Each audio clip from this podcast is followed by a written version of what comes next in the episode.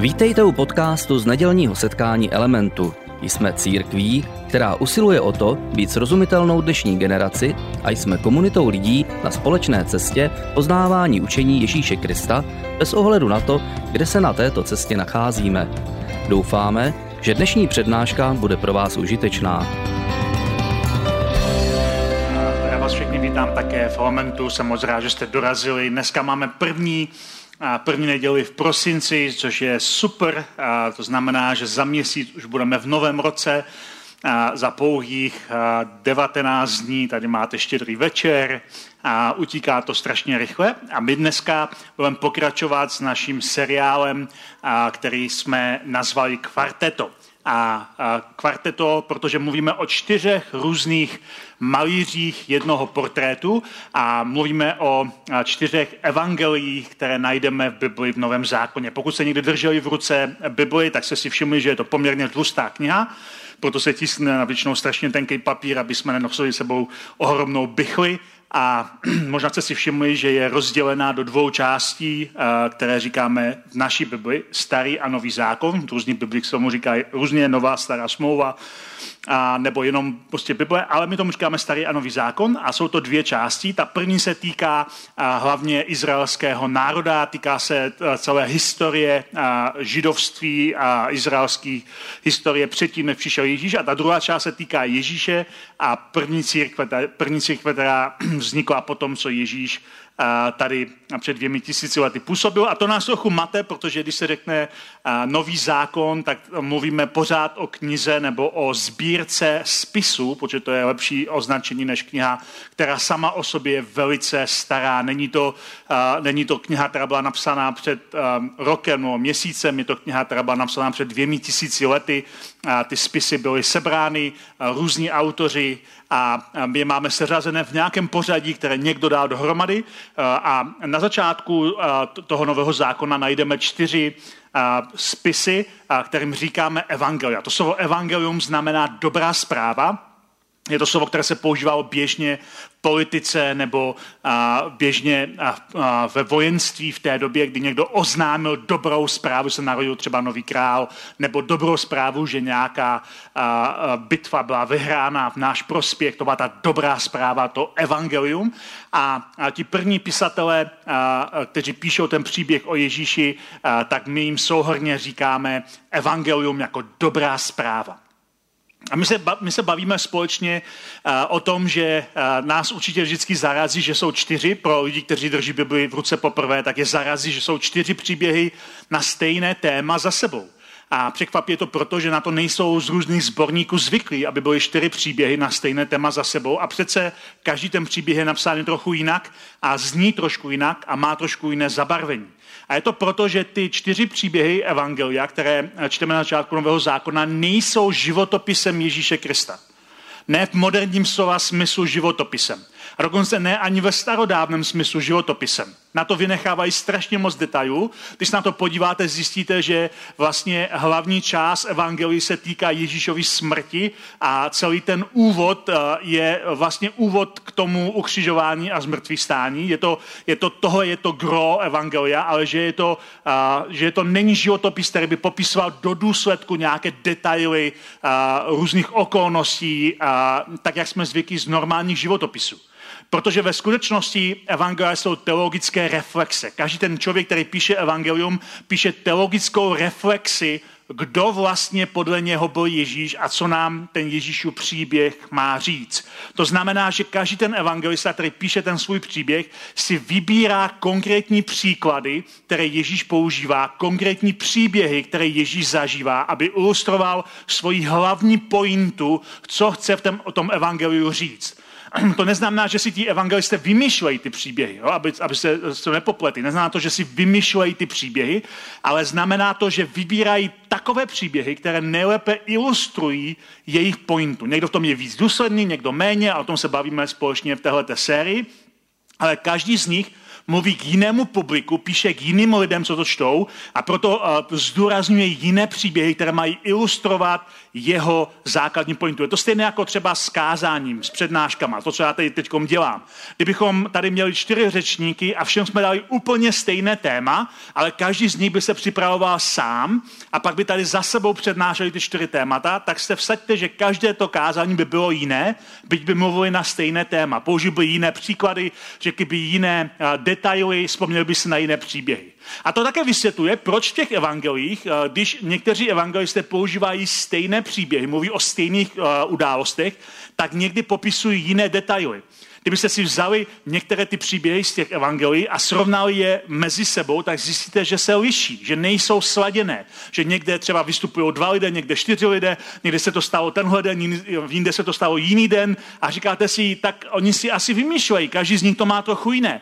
Ve skutečnosti toho je důkaz pro evangelia, ne proti evangelím, protože je to stejné, jako když byste se vysetkali se svýma kamarádama, třeba se tomu spolužákama z základní školy po 20 nebo 30 letech a vzpomínali byste na nějakou akci před 20 nebo 30 lety a vzpomínali byste na to, jak, jak to, jaké to bylo. Každý z vás by si pamatoval trochu jiné detaily, všichni byste měli uh, ten hlavní, tu hlavní dějovou linku v sobě, ale každý z vás by si pamatoval trošku jiné detaily a možná byste na tom setkání se hádali, ne, tam si byl ty, ne, já jsem tam nebyl, ty jsi tam byl. A je to ve skutečnosti ukázka toho, jak pracuje lidská paměť a naopak, kdyby ty evangelia, které byly psány různými autory v různou dobu, byly sladěná, že by všechny ty příběhy byly domrtě úplně stejné, tak by to byla ukázka toho, že je to domluvené, že, že každý z nich pracuje tak, aby byl v souladu s tím druhým, ale on každý z nich píše sám za sebe a tyhle ty drobné detaily, které nemění smysl toho příběhu, ale každý si pamatuje na jiné detaily, jsou naopak důkazem pro ty evangelia. A první církev a, s tím neměla žádný žádný problém. A první církev vůbec neměla žádný problém s tím, že jsou ty evangelia rozdílná a že tam mluví o těch věcech trochu jinak, že tam jsou nějaké vnitřní drobné rozpory. První církev s tím vůbec nezápasila, neměla s tím problém. A je to proto, že první církev si uvědomovala, že každé evangelium přináší něco pozitivního a dobrého do toho celku. Každé evangelium, tak stejně jako na našem plátně, přináší nějaký střípek obrazu a dohromady nám ten obraz vykreslí a ten portrét úplně nejlépe. Každé evangelium přináší trošku jiné barvy, přináší trošku jiný detail, ale dohromady vykreslují ten portrét úplně nejlépe. A to také ukazuje, jenom taková drobná odbočka, že potřebujeme různé církve. Každá církev, každá denominace, každá skupina, každé společenství přináší do toho celkového obrazu křesťanství významný podíl. Každá církev má svoje, svoje zabarvení, má svoje důrazy, má, má, má různé věci, které jsou pro ně důležité, které, které vykresluje a dává na to důraz. A dohromady křesťanství je bohatší tím, že existuje, existují různé církve. Někdy lidé říkají, nebylo by lepší, aby byla jenom jedna církev, kde budou mít všichni na všechno stejný názor. A já říkám, že určitě ne. Že naopak první církev oceňovala, že mezi něma jsou různé skupiny, že společně dávají mnohem širší a lepší obraz. Není to uniformní skupina, kde všichni mají na všechno stejný názor. A to platí také o evangelii, kdy evangelia každé z nich je jiné a církev z různorodostí nikdy neměla problém. Ve skutečnosti, když jsme u těch církví, samozřejmě nemluvím tady o nějakých sektách, které, které ten obraz deformují. Když jsme, když jsme u těch sekt, jedno z hlavních poznávacích znamení sekty je, když nějaká církev řekne, my jsme ta jediná pravá církev. My jsme ta jediná pravá církev. Všichni ostatní se pletou. My máme to jediné pravé, dokonalé, perfektní zjevení a poznání, jak to vlastně je a ti ostatní se pletou. To, když nějaká církev řekne, tak je to ukázka toho, je to znamení toho, že to ve skutečnosti sekta, protože církev vždycky uznává různorodost a to, že se vzájemně můžeme učit jeden od druhého a když poznáváme ten obraz jasněji skrze různé zdroje. Takže v naší sérii se díváme na ty čtyři evangelia. Začali jsme Markem, i když eh, eh, nový zákon začíná Matoušem. A to proto, že Marek je úplně první evangelium, které bylo napsáno. A Marek byl vlastně člověk, eh, který píše to svoje evangelium velice úderně. Je to krátké evangelium, je to takové naléhavé evangelium. A Marek tam podává obraz Ježíše jako válečníka, který bojuje se silami temnoty a který vysvobozuje lidi k novému, lepšímu dní. Pak jsme si minulý týden podívali na evangelium Matouše, které je v našich biblích jako první, ale Matouš čerpá od Marka a říkali jsme si, že Matouš pro změnu svoje evangelium píše trochu jinak. Je to bývalý celník, který se stal Ježíšovým následovníkem, byl to žid, který pracoval pro Římany a když se stal Ježíšovým následovníkem, tak dokáže pochopit staré i nové a stál se takovým velkým spojovatelem mezi starým a novým, mezi starým vínem, novým vínem, mezi starými měchy, novými měchy, mezi starým zákonem, novým zákonem. Matouš je vlastně takový spojovatel, někdo, kdo vytvořil nové opravdové genesis, počátek toho příběhu a, a vytvořil ho a, vytvořil ho v Kristu a proto ho máme v naší Bibli právě jako první evangelium, že přemostuje ten starý zákon do toho nového zákona. To jsme se dívali na Matouše. Dneska se společně podíváme na Lukáše, podle kterého, je, uh, podle kterého mi rodiče dali jméno. A uh, Lukáš, uh, Lukáš evangelista Lukáš byl doktor a moji rodiče, když jsem byl dítě, tak mi říkali, ty by si si měl taky stát doktorem. A zklamal jsem je. Takže uh, Uh, Lukáš, uh, Lukáš napsal tohle evangelium a my se na to podíváme dneska uh, společně. To evangelium Lukáše začíná těmito slovy, když byste si ho nalistili, začíná těmito slovy. Už mnozí se pokusili uh, sepsat vyprávění o věcech, které se mezi vámi udály, tak jak, je nám, tak jak je nám předali ti, kdo byli od počátku očitými svědky a služebníky slova. Já jsem se proto rozhodl po pořádku ti o tom všem napsat vznešený Teofile, nebo jsem to všechno znovu pečlivě proskoumal, aby spoznal, jak spolehlivé je učení, které jsi přijal. Takhle začíná Lukáš. A, a v tomhle úvodu Lukáše je úplně všechno, co potřebujeme vědět o tom evangeliu. Je tam úplně všechno, všechno o tom, co potřebujeme vědět, proč to Lukáš píše. Lukáš tady říká, že není očitým svědkem. Jsme si řekli, že Evangelia byly psané očitými svědky nebo někým, kdo znal očité svědky. Lukáš tady sám říká, já nejsem očitý svědek.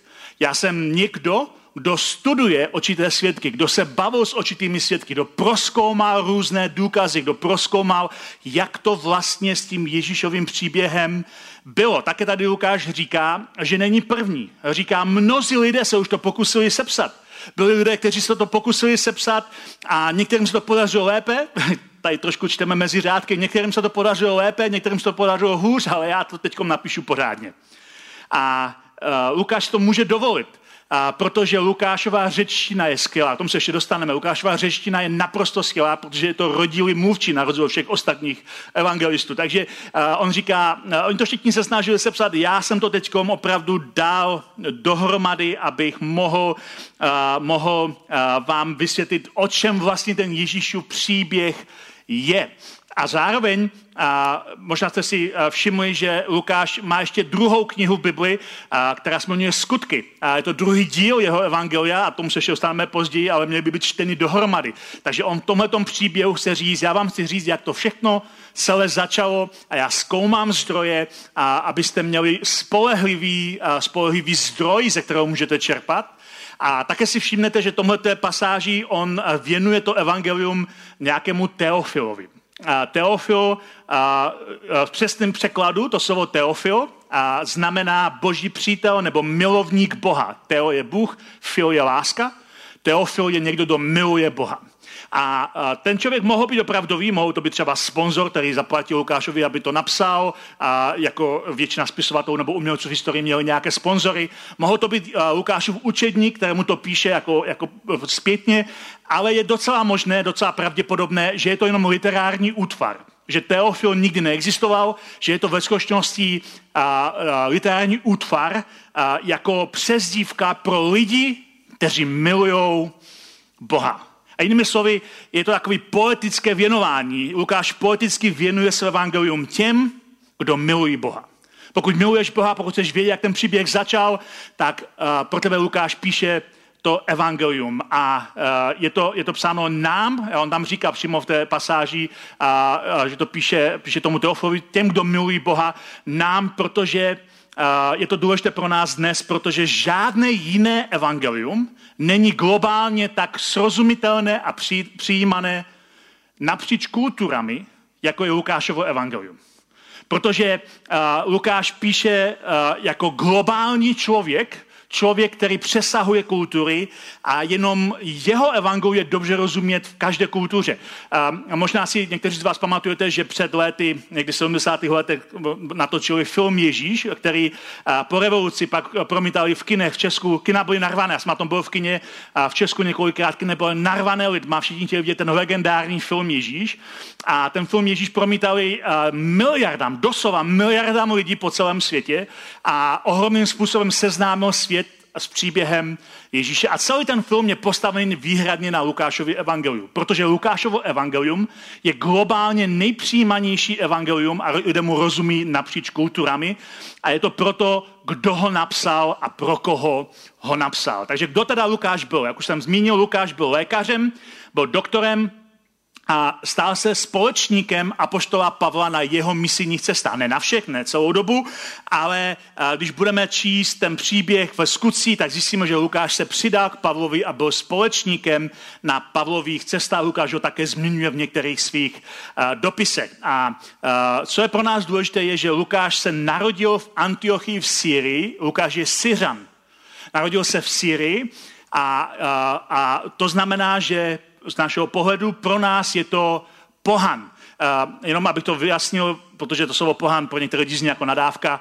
Z hlediska židů lidé byli židé nebo pohané. Každý, kdo nebyl žid, byl pohan, byl to někdo, kdo byl mimo, uh, mimo ten národ, který si Bůh vyvolil, byl to pohanský národ. Takže všichni římané, řekové, češi, germáni, vikingové a tak dále byli z jejich pohledu pohané.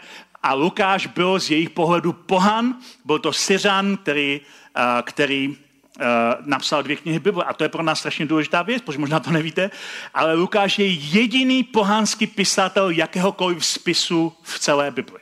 Ve starém i novém zákoně. Máme v naší Bibli 66 spisů a 64 z nich napsali židé. Jenom dva spisy z nich napsali pohané, lidé, kteří nebyli židé.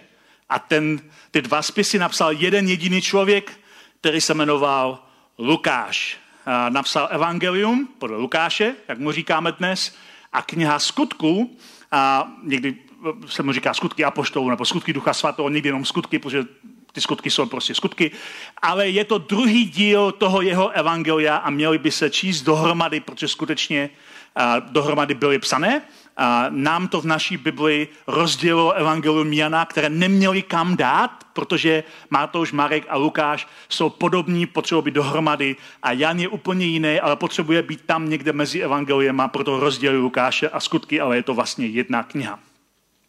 Protože Lukáš je Eh, je svým eh, způsobem opravdu římanem, a Syřan, římské, římská říše v té době, a mluví skvěle řecky, na rozdíl od ostatních, kteří se to učili jako druhý jazyk, on je rodilý mluvčí a navíc zná myšlení pohanu, protože mezi pohany vyrostl a k Pavlovi se přidal v Troádě dnešním, uh, dnešním uh, Turecku. Takže uh, Lukáš, on, on je člověk, který velice dobře zná pohanský způsob a protože je také doktor a lékař, tak má takový vědecký přístup k tomu, jak svoje evangelium popisuje, jak zhromažďuje zdroje a jak s ním pracuje.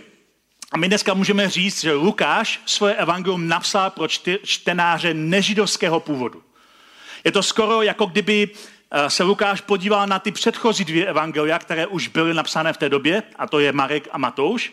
A řekl si, Marek, ten je hodně stručný a, a naléhavý, ale řeština je docela špatná, a, eh, ale jako dá se to pochopit. Matouš, řeština je lepší, ale je to strašně židovské, protože on přemostuje ten starý a nový zákon a já potřebuji napsat něco, čemu budou rozumět hlavně lidé jako já lidé, kteří nevyrostli v židovství, kteří neznají dokonale starý zákon a kteří potřebují nejlépe pochopit příběh Ježíše Krista. Proto Lukáš to píše právě pro lidi, lidi čtenáře nežovského původu a ukazuje ve svém evangelu, a to je jedna z jeho hlavních linek, že jeho evangelium je o tom, že Ježíš se zajímá o lidi, kteří jsou vyautováni ze společnosti, že Ježíš se zajímá o ty nejchudší a nejvíc opovrhované členy společnosti, že pro ně Ježíš má největší srdce a k tomu se ještě dostaneme za chviličku znovu.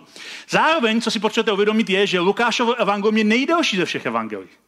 Má to už má sice 28 kapitol, Lukáš 24, ale kapitoly byly dodány o stovky let později. Číslům se vůbec nevěnujte.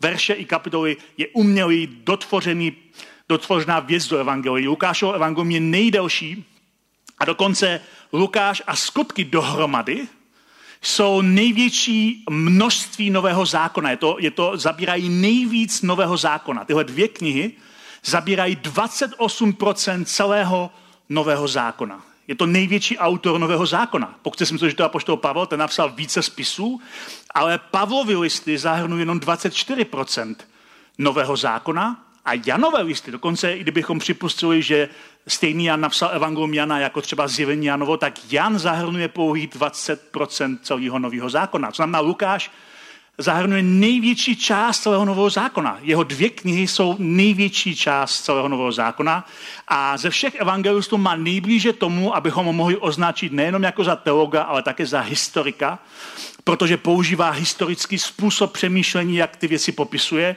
a zároveň je také velice zdatný autor, je mnohem zdatnější autor, než se na první pohled zdá. A, kde se zhodují, že jeho evangelium je, je z, z literárního hlediska to nejzajímavější, protože používá jazyk jak nikdo jiný. Jeho příběh je kombinace tragédie, komedie a dramatu. Je tam spousta zajímavých příběhů, spousta zajímavých vychytávek. A ve svém evangelu dává ohromný důraz na to, že Ježíš je spasitel celého světa. Dává důraz také na Ducha Svatého a na ranou církev. To, je, to jsou jeho důrazy, o kterých on velice často mluví. Věnuje se ženám víc než kterýkoliv jiný evangelista. Hodně píše o různých ženách. Věnuje se modlitbám, věnuje se chudým, bohatým bohatým a misi.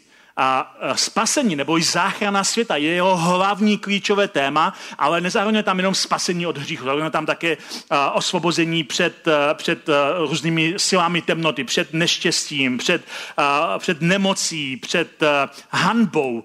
Zachraňuje lidi od jejich hříchu, ospravedlňuje, přijímá je do svého života, dává jim pokoj, milosrdenství, milost. Je to, je to, Ježíš tam je někdo, kdo je takový velký vysvoboditel, velký spasitel celého světa. A zároveň, když se na jeho evangelium podíváme, Michael Keane, jeden autor, který se věnuje biblistice, řekl, Lukáš byl ve svém zkoumání těch zdrojů důkladný ve svém přístupu, citlivý a ve svém rozhledu univerzální, že se snaží skutečně univerzálně popsat ten příběh tak, aby byl srozumitelný každé kultuře a zahrnuje postavy, které nikdo jiný nezahrnuje. Žádný jiný evangelista například nevypráví příběh o Alžbětě, matce Jana Křtitele, který byl Ježíšovým bratrancem. Ale Lukáš se mu věnuje docela obšírně a popisuje v tom příběhu krásný příběh, kdy, kdy Alžběta, která už nemohla mít děti, tak to vypadalo, že už nemůže mít děti, tak otěhotněla se svým manželem a, měla porodit proroka, který se stal Janem Křtitelem, který připravil pro Ježíše cestu. A, v té době, kdy ona byla těhotná, tak Marie měla navštívení od anděla. To je ten vánoční příběh, ve kterém uh, jí anděl řekl, že Bůh vlastně stvoří Ježíše do jeho lůna. A takže těhotná Marie šla na návštěvu k těhotné Alžbětě. A tenhle příběh nenajdete v žádném jiném evangeliu, kromě Lukáše. A Lukáš je plný radosti, když popisuje ten příběh. Když potkala Marie, která čekala Ježíše, Alžbětu, která čekala Jana, tak se stalo tohle. Jakmile Alžběta uslyšela Marijin pozdrav, děťátko v jejím lůnu poskočilo. Děťátko v jejím lůnu poskočilo. Alžběta byla naplněna duchem svatým a hlasitě zvolala, požehnaná si mezi ženami a požehnaný plod tvého lůna. Jaká čest, že ke mně přišla matka mého pána. Hle, jakmile tvůj postrav došel k mým uším, děťátko v mém lůnu poskočilo radostí. A nikdo jiný tohle nevypráví. To je krásný příběh, si to představte. Ježíš se potkává s Janem před svým narozením a když Jan uslyší skrze svoji matku, že je to Ježíš skrze Marii, tak poskočí v. A takhle to Lukáš píše. A říkáte si, to je taková trochu jakoby mystika. Hele, Lukáš je doktor a ví, o čem píše.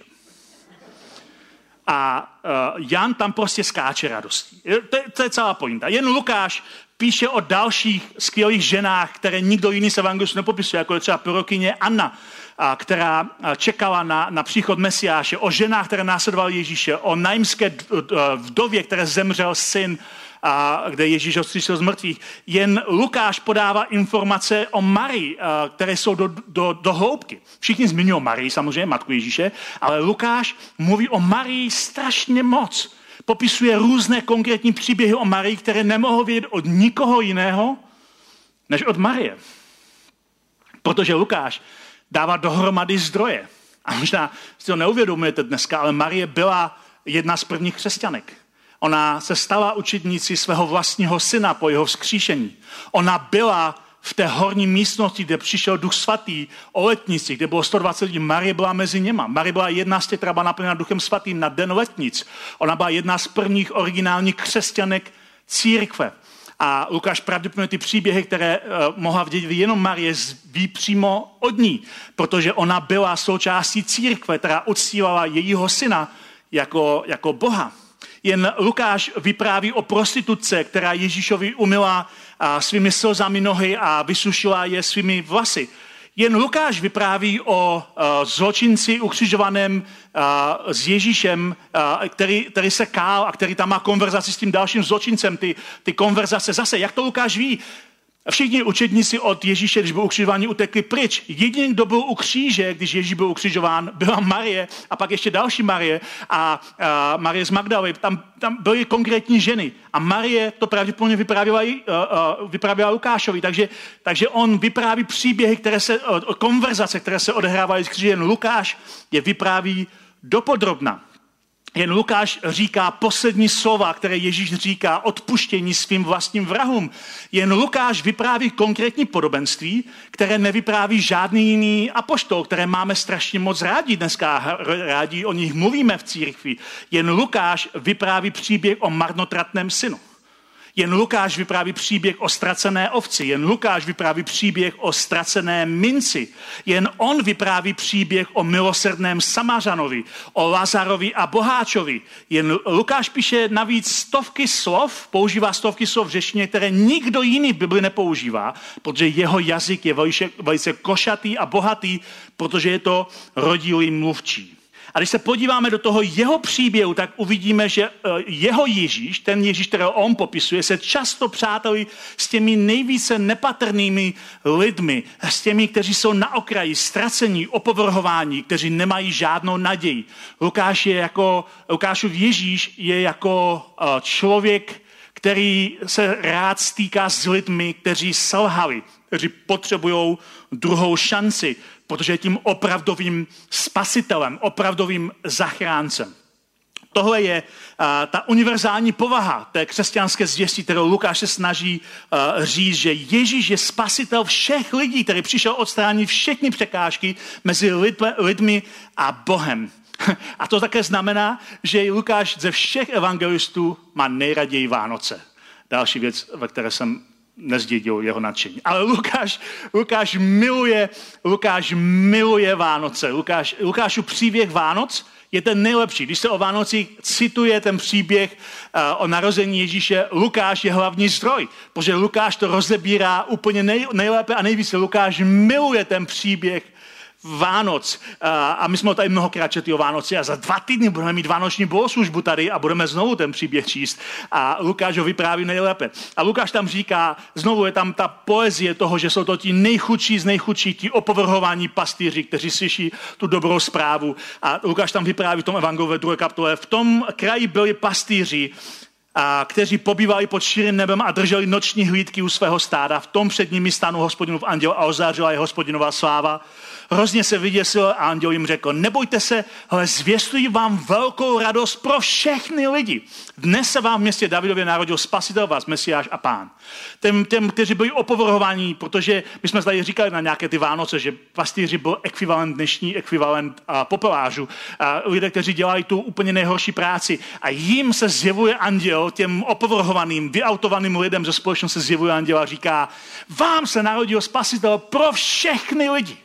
Protože Lukášův Ježíš přišel pro všechny lidi. Lukášův Ježíš miluje každého člověka a Lukáš představuje, Lukáš představuje Ježíše jako spasitele každého národa, každého etnika, každého člověka. Bůh má rád každého člověka. To je Ježíš, kterého Lukáš vykresluje na svém plátně. A zároveň víc než dokoliv jiný Lukáš zdůrazňuje Ježíšovo lidství. A Janovo evangelium, o kterém byl můj příští týden, zdůrazňuje Ježíšovo božství. Zdůrazňuje, že Ježíš byl něco mnohem víc než člověk. Že to byl Bůh, který přišel v těle. To je Janovo evangelium. Ale Lukáš zdůrazňuje Ježíšovo lidství. A říká, Ježíš to jenom nehrál, Ježíš byl opravdovým člověkem. Ježíš uh, se netvářil, uh, neměl na sobě lidský skafandr, neměl na sobě lidskou kůži. Ježíš se stal opravdovým člověkem, zdůrazně jeho lidství. Jenom v jeho evangelu Ježíš třeba potí krev, když se modlí v Getsemanské zahradě. A po skříšení dává krásný eh, příklad toho, jak zdůrazňuje, že Ježíš má opravdové tělo. V době, kdy to Lukáš píše, tak eh, řádí eh, v římské říši gnostická taková vlna, takové hnutí, které zdůrazňuje, že, že tělo je špatné, že Bůh nás se od těla, musíme utéct někam do nebe, být, být jako duchové. Ale Lukáš říká, ne, ne, důležitý, důležitý prvek je, že Ježíš měl opravdové tělo, protože Ježíš je opravdový člověk. A, a po skříšení tam dává ten příběh, když se setkají učedníci s ním po skříšení, se zjevil mezi, na, mezi nima a je tam napsáno, Lukáš tam píše, oni se v hrozném úleku mysleli, že vidí ducha. On jim řekl, prostě tak vylekaní, prostě na pochybách. Podívejte se na moje ruce, podívejte se na moje nohy, jsem to já. Dotkněte se mě a přesvědte se, duch přece nemá maso a kosti, jak vidíte, že já je mám. Po těch slovech jim ukázal ruce i nohy a když sa, nemohli samou radosti uvěřit a jen se divili, zeptal se jich, máte něco k jídu? Podali mu tedy kus pečené ryby a on si vzal a pojedl před nimi, protože Ježíš má opravdové tělo, které potřebuje jíst, má opravdové tělo, které je hmatatelné, není to duch, je to opravdový člověk, a my, jsme u, toho, u té zmínky, že vyžádal si nějaké jídlo, aby jim ukázal, že je prostě člověk, který jí, tak zrovna jídlo a modlitba jsou nejčastěji zmiňované věci, co Ježíš dělá v Lukášově evangelium. Je 60 zmínek v Lukášově evangeliu, kdy Ježíš jí a modlí se jídlo a modlitba jsou nejčastější součást jeho příběhu. Ježíš Lukášově evangeliu pořád jí. A to je dobrá zpráva pro některé z nás. Ježíš pořád jí. A také Ježíš se hodně věnuje bohatým a chudým, mluví hodně o financích, mluví o chudobě, mluví o systému chudoby. A nejenom v tom smyslu, že a, a, jako peníze jsou takové nebo makové, ale mluví hodně o vysvobození ze společnosti, která lidi utlačuje ať už kvůli třeba hříchu, statusu nebo třeba původu.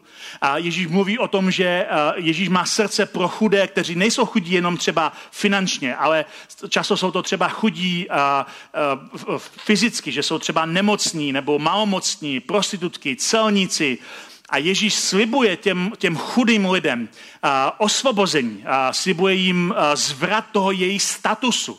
Od hanby k tomu, že, a, že budou znovu mít čest, od toho, že jsou vyautovaní, že jsou outsideri, k tomu, že budou insideri, že budou součástí toho a, velkého příběhu. A takže to všechno je součástí e, Lukášova evangel. Dává důraz na to, že Ježíš je s těmi nepatrnými, s těmi, kteří opravdu jsou na okraji společnosti, kteří nemají vůbec nic, kteří potřebují být vysvobození z té ekonomické nerovnosti. A zároveň Lukáš velice jasně dává najevo, co je tím klimaxem, tím vyvrcholením, tím cílem, tím hlavním bodem jeho evangelia. Tím jeho hlavním bodem evangelia, a platilo by to do jisté míry o všech evangelích, a Lukáše je to patrné úplně nejvíc, je, že je to kříž, je to ukřižování Ježíše. Ve skutečnosti bychom mohli dokonce říct, že evangelia jsou něco jako pašie s rozšířeným úvodem. A ten, ten skutečný smysl evangelia je mluvit o tom, co Ježíš udělal na kříži. A co se stalo na kříži, o Ježíšově smrti. A e, je to, je to docela zajímavá věc, e, že my dneska říkáme, a Pavel o tom píše hodně, že křesťanská víra stojí a padá na skříšení. Že vzkříšení Ježíše z mrtvých je to, na čem stojí a padá křesťanská víra a mají pravdu. A, ale v tomhle pojetí vzkříšení je světlo, které osvětuje identitu Boha na kříži. Skříšení nám ukazuje zpátky na kříž a říká, ten, kdo zemřel na kříži, byl někdo víc než jenom obyčejný zločinec nebo obyčejný zbuřič nebo někdo, kdo, se, kdo si nepřátelil římskou říši. Ten, kdo umřel na kříži, je někdo mnohem důležitější, mnohem vzácnější. Je to, je to, je to důležitá věc, ale kříž je centrální. Kdybychom neznali evangelia, tak bychom dokázali předpovědět, že nakonec Bůh porazí smrt. Možná bychom dokázali předpovědět i skříšení, že nakonec smrt bude poražena, protože vždycky byla nepřítel a Bůh vždycky povstane a získá zpátky ten život s velkým Ž. Ale nikdo v historii nepředvídal, že by Bůh měl zemřít na kříži. Že by, to, že by, že by Ježíš, jako pokud to byl skutečně Bůh a člověk, že zemře na kříži pro celé lidstvo. To byla, to byla nová myšlenka, která nikdy, nikoho nenapadla. A třeba pro apoštola Pavla, který, se, který byl společníkem Lukáše, tohle byl hlavní důvod, proč on uh, nemohl přijmout Ježíše jako, jako, jako mesiáše, jako spasitele. Protože říkal, přece uh, starý zákon v Deuteronomium říká, že každý, kdo je ukřižován, je proklet. A Ježíš byl ukřižován, znamená, že je proklet Bohem. To znamená, že nemůže být mesiáš. Ale uh, protože to bylo pro ně nepředstavitelná věc, ale zároveň najdeme i místa v tom starém zákoně, třeba u toho Izajáše, který je tím pátým evangelistem, evangelistou, který mluví o tom, že Bůh obětuje sám sebe. A tohle všechno dohromady, když si uvědomíme, tak si uvědomíme, že skutečně vzkříšení ukazuje na kříž, kdo je ten muž na kříži a Lukáš ho vykresluje jako, jako muže, jako opravdového muže, jako opravdového člověka, který byl Bohem zároveň, který umírá na kříži za celé lidstvo, protože je spasitelem celého lidstva.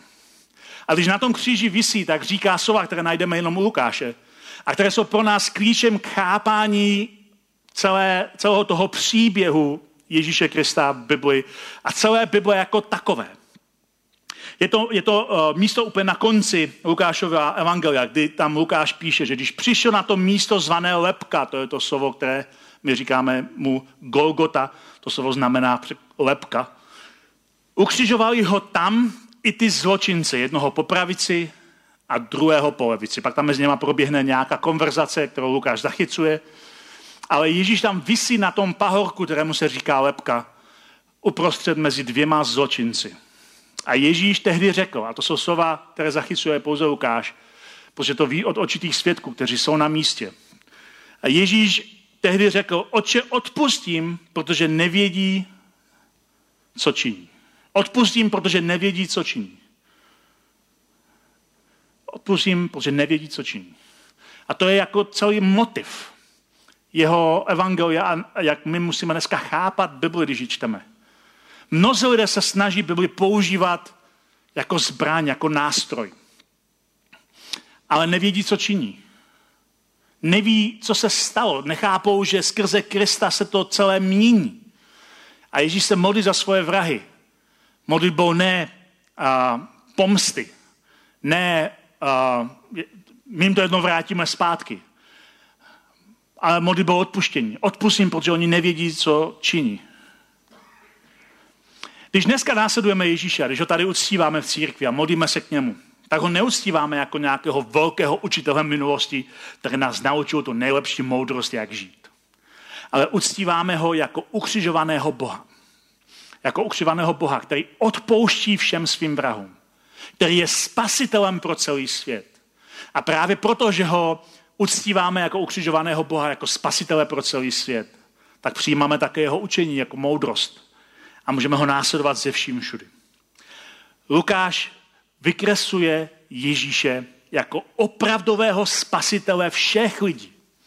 Nejenom vyvolených, nejenom židů v tom židovském příběhu, protože celá ta Bible je židovský příběh, ale jako spasitele všech pohanů, jako spasitele všech židů, jako, spa, jako spasitele všech řeků, jako spasitele všech římanů, jako spasitele všech germánů, jako spasitele všech slovanů, jako spasitele všech lidí po celém světě. Protože to je ta dobrá zpráva, při kterém skáče Jan a při kterém bychom měli poskočit i my.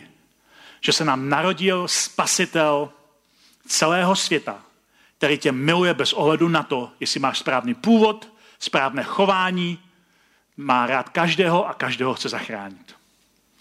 Pane, já ti děkuji za Lukáše.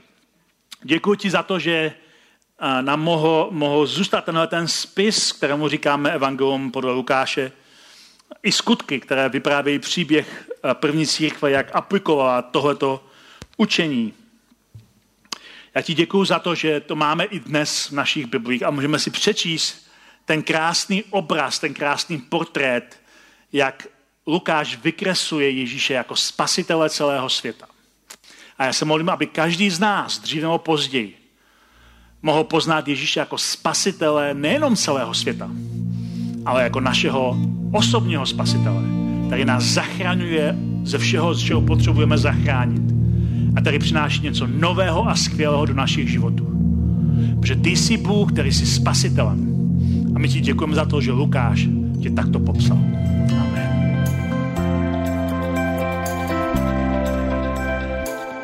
Děkujeme za poslech přednášky z nedělního setkání Elementu. Budeme rádi, když nás navštívíte také naživo, a to každou neděli od 10 hodin ráno v kině Biocentrál v Hradci Králové. Být na místě přináší větší zážitek, výbornou hudbu a přátelskou atmosféru. Více informací o našich aktivitách najdete na webu element.cx nebo na Facebooku Element Hradec. Těšíme se na vás.